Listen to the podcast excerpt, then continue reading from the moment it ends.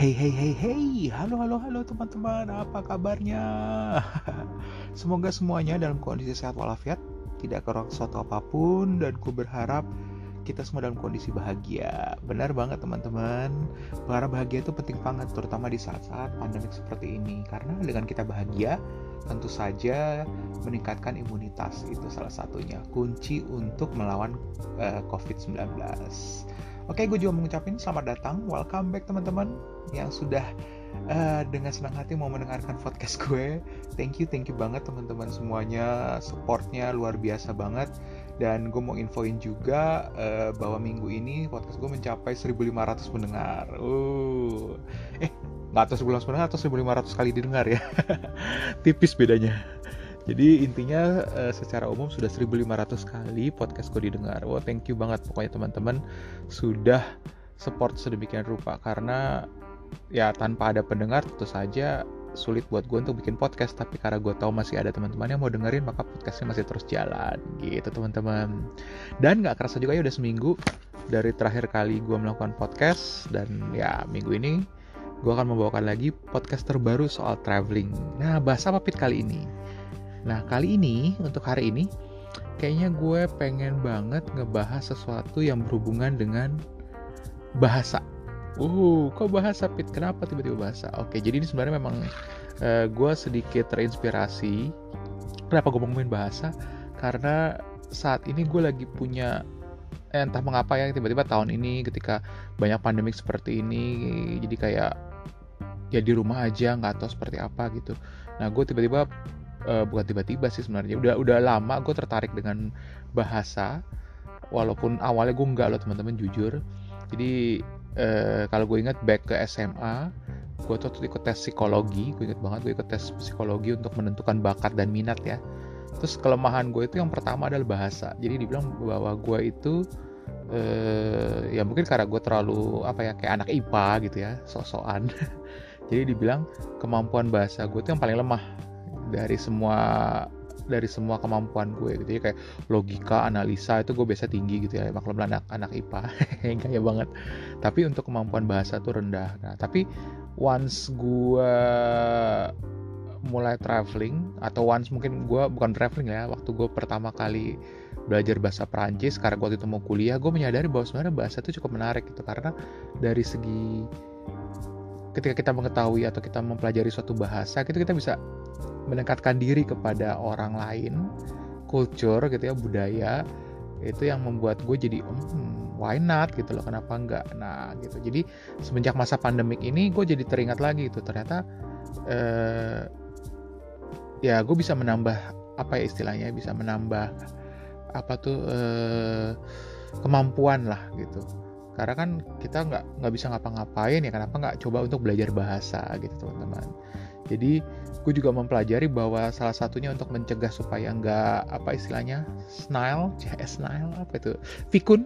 Nah, jadi katanya salah satu cara untuk mencegah tidak pikun, lagi dengan umur gue yang sudah cie, udah tua ini, itu mencari salah satu caranya dengan uh, mempelajari bahasa atau musik. Jadi melatih otak, jadi otak otak kanan ya kalau nggak salah. Jadi otak kiri itu kan yang logik logik apa namanya berhitung kayak gitu. Nah, otak kanan itu kan lebih kepada art, ya, jadi supaya menyeimbangkan otak kemudian juga untuk uh, supaya tidak cepat pikun yaitu harus belajar musik atau belajar bahasa.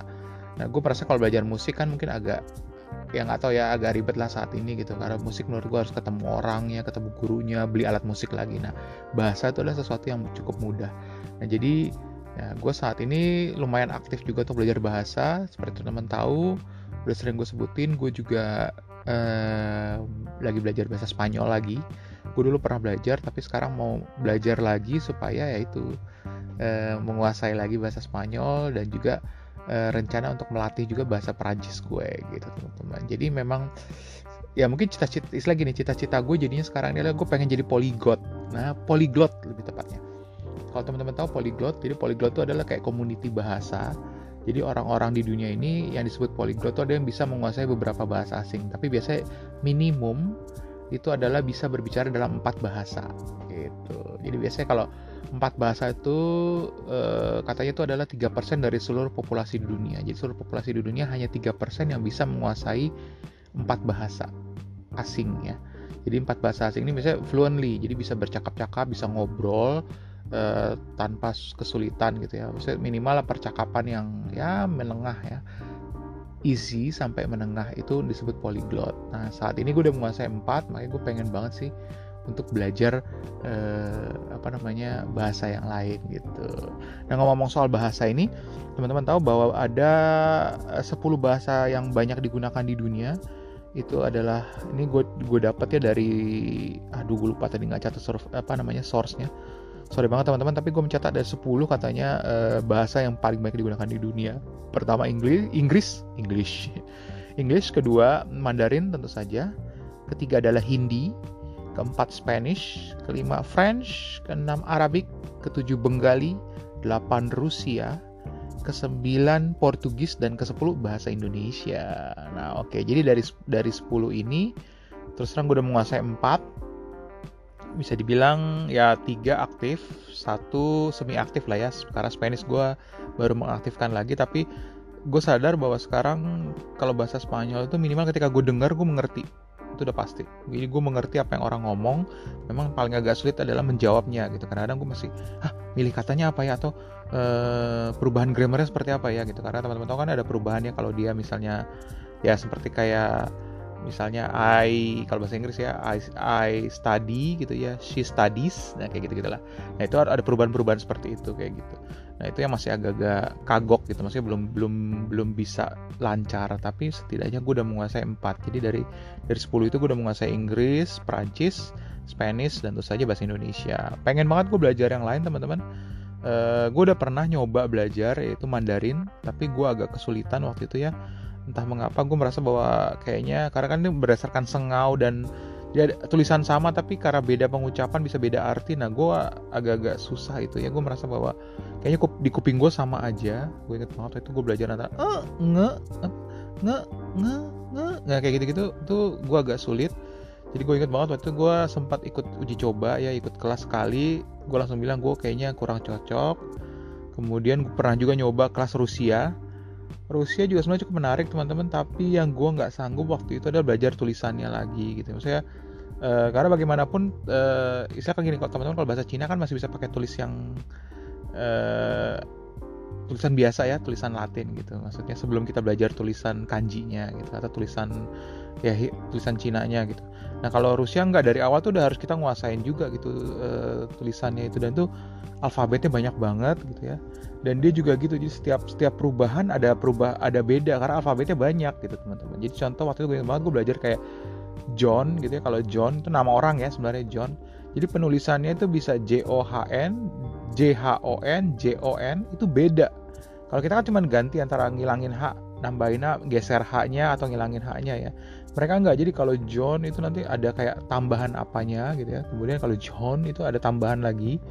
Jadi nanti ada ada n yang atasnya terus ada nanti misalnya apa sih kayak sigma omega lah segala macam kayak gitu. Gue gue agak ribet terus gue langsung wah oke okay, kayaknya oke okay, ini agak sulit gitu. Jadi tapi terus terangnya gue cukup tertarik sebenarnya dengan Rusia kan. Kenapa? Karena uh, eh, gue berapa kali jalan-jalan terutama di daerah Eropa Timur Rusia itu kepake banget.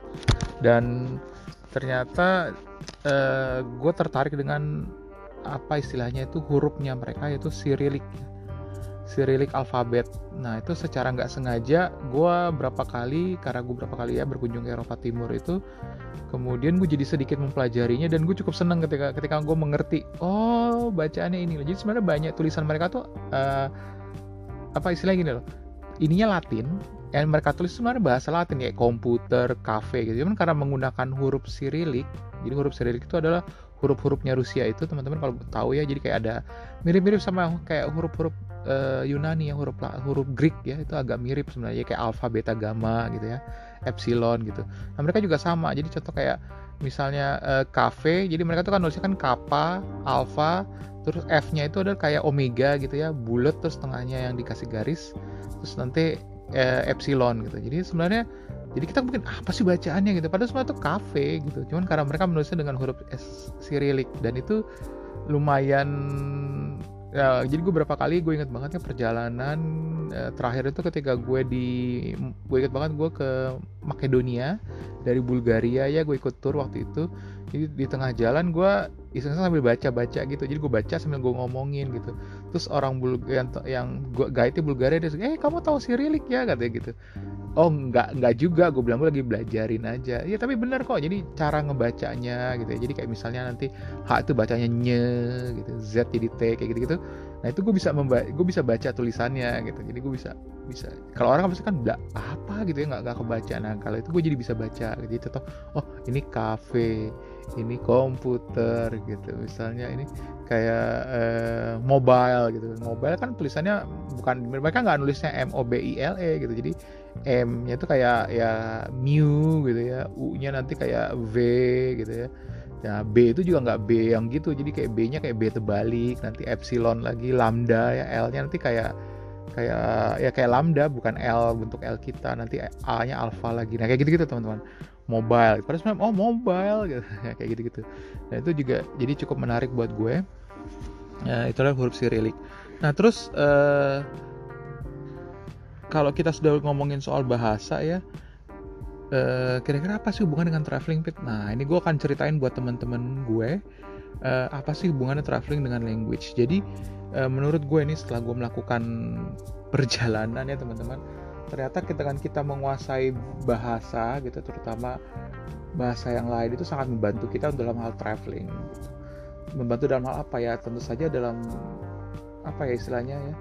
Menolong terutama menolong kita gitu. Gue berapa kali eh, karena gue menguasai beberapa bahasa asing ini ya gue jadi tertolong gitu terbantu gitu. Jadi gue diingetin gitu. Misalnya gampang kayak makanan gitu ya. Gue inget banget eh, pengalaman gue itu adalah gue di Maroko Nah itu kayak gue di Maroko itu orang Maroko itu cuma bisa bahasa Arab dan bahasa kedua mereka adalah Perancis. Nah itu gue sangat terbantu banget. Yang kalau teman-teman tahu bagaimana gue uh, mengalami scam ya. Jadi untuk menghindari scam satunya kan harus nanya ya gitu. Dan lain juga harus nanya ke orang-orang yang jelas gitu ya. Maksudnya kayak kayak ke hotel gitu contohnya atau uh, apa ya polisi gitu. Nah mereka tuh hanya bisa mengerti kalau menggunakan bahasa Perancis. Nah itu berapa kali gue bisa berkomunikasi dengan mereka karena gue bisa menggunakan bahasa Prancis kayak gitu contohnya teman-teman. Itu yang paling gampang ya. Kemudian ya tadi kalau misalnya get lost tersesat nah bisa nanya lagi gitu. Itu itu makanya menariknya eh, kalau kita bisa bahasa asing. Nah kemudian yang kedua juga bisa mendekatkan kita dengan orang orang lokal. Nah ini gue inget banget uh, kalau di waktu itu yang paling gue teringat tuh di Rumania ya. Di Rumania ketika gue uh, ya biasa beli-beli barang gitu ya. Waktu itu gue inget banget beli souvenir itu toko gitu ya. Terus gue jujur gue udah lupa sih sekarang bahasanya. Waktu itu gue mengucapkan kayak thank you gitu apa uh, selamat pagi dalam bahasa Rumania. Jadi gue biasa teman-teman kalau gue pergi ke mana-mana tuh gue gue mencoba mencari tahu eh, kata-kata uh, penting ya. Jadi contohnya halo atau good morning thank you.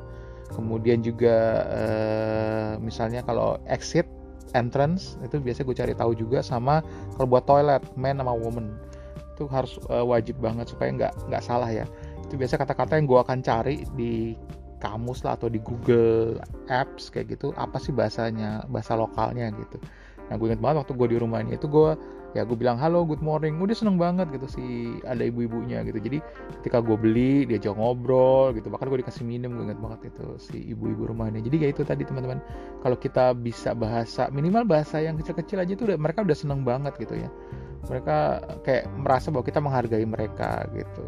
Dan uh, ada juga ya mungkin teman-teman tahu bagaimana beberapa negara ya yang sangat menjunjung tinggi gitu ya bahasanya gitu ya maksudnya kayak susah sekali kalau mereka mau ngomong pakai bahasa lain ya.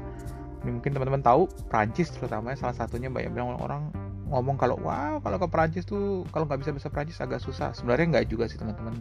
Apalagi kalau zaman sekarang. Gue malah sekarang kalau kalau gue ke Prancis mungkin orang udah tahu kalau gue asing ya turis biasanya kalau kan sekarang banyak tuh helper. Jadi kayak ada assistance gitu di bandara di stasiun kereta gitu mereka tuh kalau ngeliat gue langsung ngomongin bahasa Inggris gitu langsung gitu oke okay, you go there exit is over there gitu. You can go to the uh, train or RER gitu uh, to the down to to downside gitu atau ke mana gitu to the left to the right gitu. terus kadang, -kadang gue juga pakai bahasa Prancis gitu langsung ah dia langsung ganti pakai bahasa Prancis jadi sebenarnya udah udah nggak susah ya.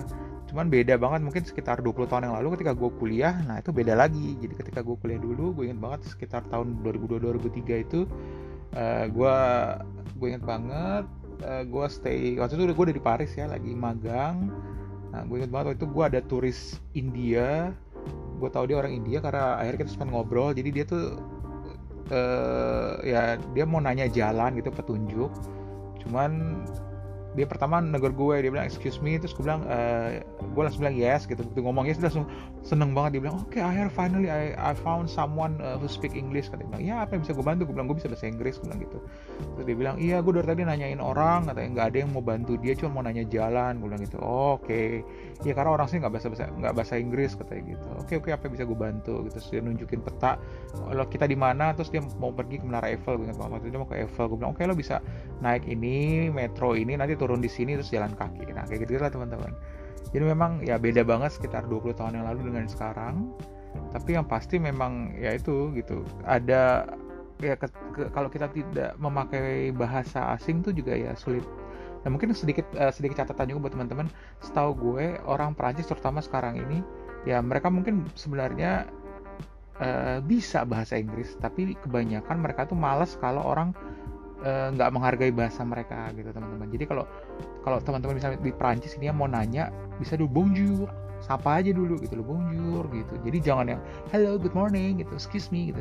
Bonjour pardon gitu excusez-moi nah kayak gitu ya. Jadi sapa dulu dalam bahasa Prancis baru tanya eh baru habis sudah gitu mungkin kita nggak perlu pakai bahasa Prancis lagi bisa tanya langsung uh, excuse me uh, I want to know where to go nah gitu.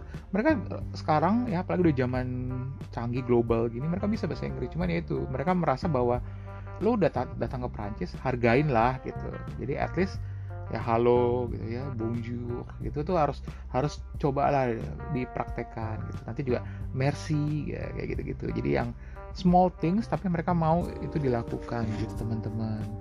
Jadi ya istilahnya mereka merasa dihargai kalau kita bicara dalam bahasa mereka walaupun cuma sedikit. Nah, kemudian juga gue merasa bahwa uh, dengan menguasai bahasa atau belajar sedikit bahasa itu juga bisa membuat kita make a new friend.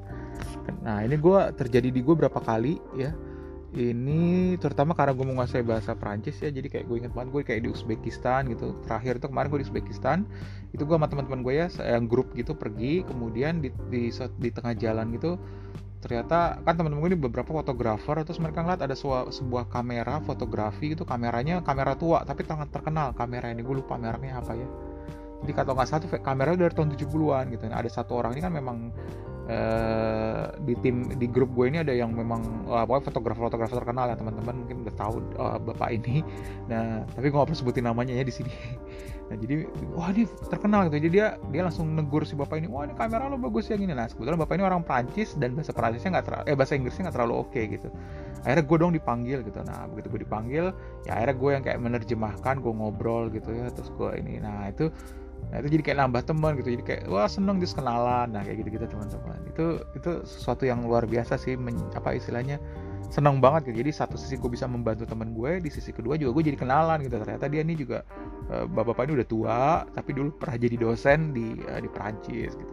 Jadi gue jadi kenalan sama dia gitu kemudian juga uh, gue inget banget pernah kejadian juga di Bosnia waktu itu gue ke Bosnia ya ke kota kotor itu juga gitu gitu gue akhirnya jadi kayak kenalan sama ya tadi orang yang bisa bisa Prancis gitu gara-gara uh, gue ikut turnya kemudian gue gue dengerin malah yang bahasa Prancis gitu waktu itu karena yang uh, waktu itu bahasa Inggrisnya habis atau gimana ya gue lupa deh.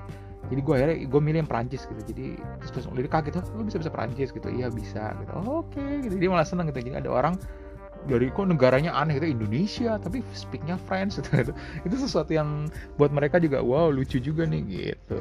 Nah itu makanya uh, apa ya itu tadi bisa jadi membuat kita untuk punya teman baru. Kemudian yang lain adalah fun to do nah do ini sebenarnya agak-agak apa ya istilahnya?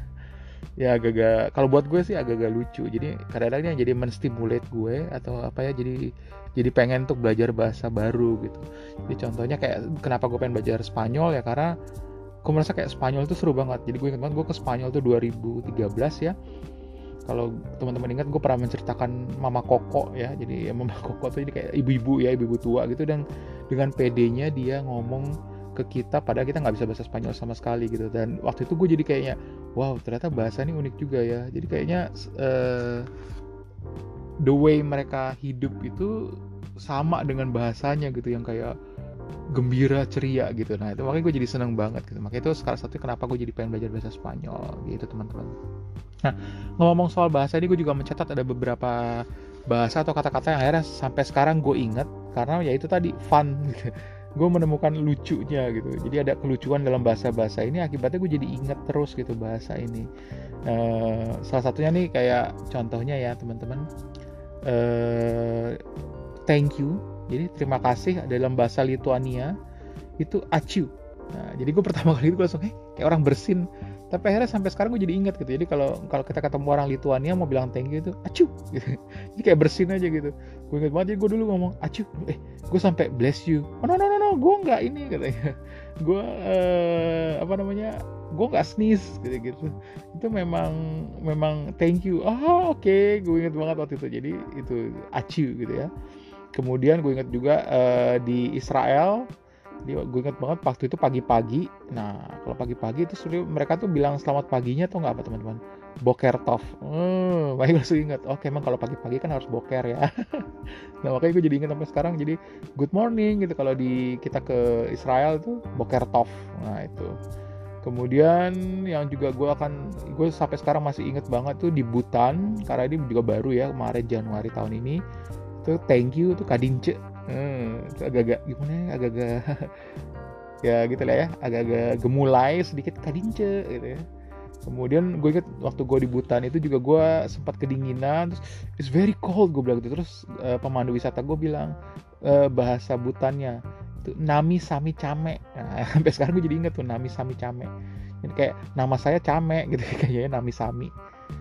Uh, itu ya itu nami sami came tadi itu. It's cold itu dalam bahasa Butan ya kemudian gue ingat juga halo ya atau good morning di Jepang eh di Butan Kazuzangpo ya.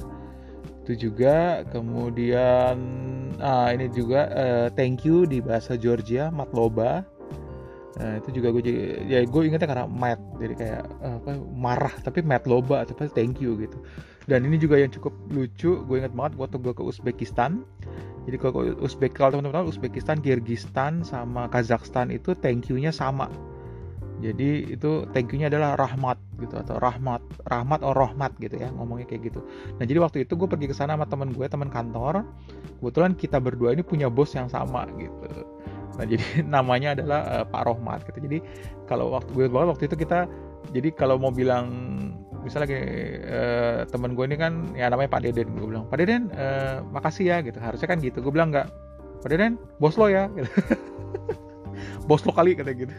Ya maksudnya kita mau bilang terima kasih gitu. Tapi kita akhirnya pakai eh itu rahmat. Lo aneh kan kayak manggil nama bos lo gitu jadi kayak nggak sopan gitu. Padahal orangnya juga nggak ada di situ sih cuman kita jadi kayak nah, terima kasih tuh rahmat. Nah itu kayak gitu teman-teman. Kemudian uh, yang lain juga yang gue inget sampai sekarang itu adalah soal dari tadi yang gue pernah jelasin ke teman-teman itu harus tahu adalah keluar masuk karena itu berguna banget waktu kita di stasiun kereta atau juga di pertokoan mall dan sebagainya sama juga uh, di toilet ya um, uh, men and women gitu ya. Jadi yang gue ingat itu di Finland untuk exit tuh ulos tuh gue ingat banget ulos ya karena kayak kain batak jadi ulos. Oh jadi gue ulos tuh kalau di Finland itu exit kemudian Itali uscita kayaknya lucu banget. Cita gitu ya. Kemudian di Turki exit itu Cikis. Nah itu gue ingat waktu Cikis Cikis Cikis. Cikis itu exit kalau di Turki. Nah kalau untuk uh, toilet yang sampai sekarang gue ingat itu adalah Hongaria. Di Hongaria itu kalau female knock. Nah, itu gue apa sih? Knock gitu. Knock knock gitu. Oh. Jadi gue, gue ingat banget waktu itu gue sama teman-teman gue pergi ke sana gitu mau ke toilet nih. Tuh tuh tuh knock knock gitu. Knock knock tuh cewek knock knock. Ya, kayak gitu gitu. Malah gue udah lupa cowoknya tuh apa aja. Gue ceweknya aja knock gitu Nah itu teman-teman. Jadi buat gue yaitu uh, ketika kita mau traveling ya setidaknya kuasailah sedikit bahasa mereka minimal untuk hello, good morning, thank you itu wajib banget. Kenapa? Yaitu karena kita bisa mendekatkan. Jadi kita juga uh, tahu bahasa sana dan orang sana, orang lokalnya pun merasa dihargai karena kita sedikit bicara bahasanya. Yang usah jauh-jauh, even kita pun ya tiba-tiba ada bule yang selamat pagi, ya kita juga seneng kan gitu atau terima kasih, ya, kita juga udah seneng tuh. Padahal dia cuman ya mungkin cuma sama kayak kayak kita hanya belajar uh, selamat pagi dan terima kasih gitu. Tapi itu memang ya itu tadi itulah berguna salah satu cara untuk mendekatkan kita ketika kita traveling supaya kita ada nggak apa memisahkan yang tadi ada jarak jadi kita semakin deket jaraknya. Ah itulah kira-kira. Thank you teman-teman udah dengerin. Mungkin itu aja dari gue untuk hari ini. Kita kembali lagi ke podcast traveling minggu depan. Dadah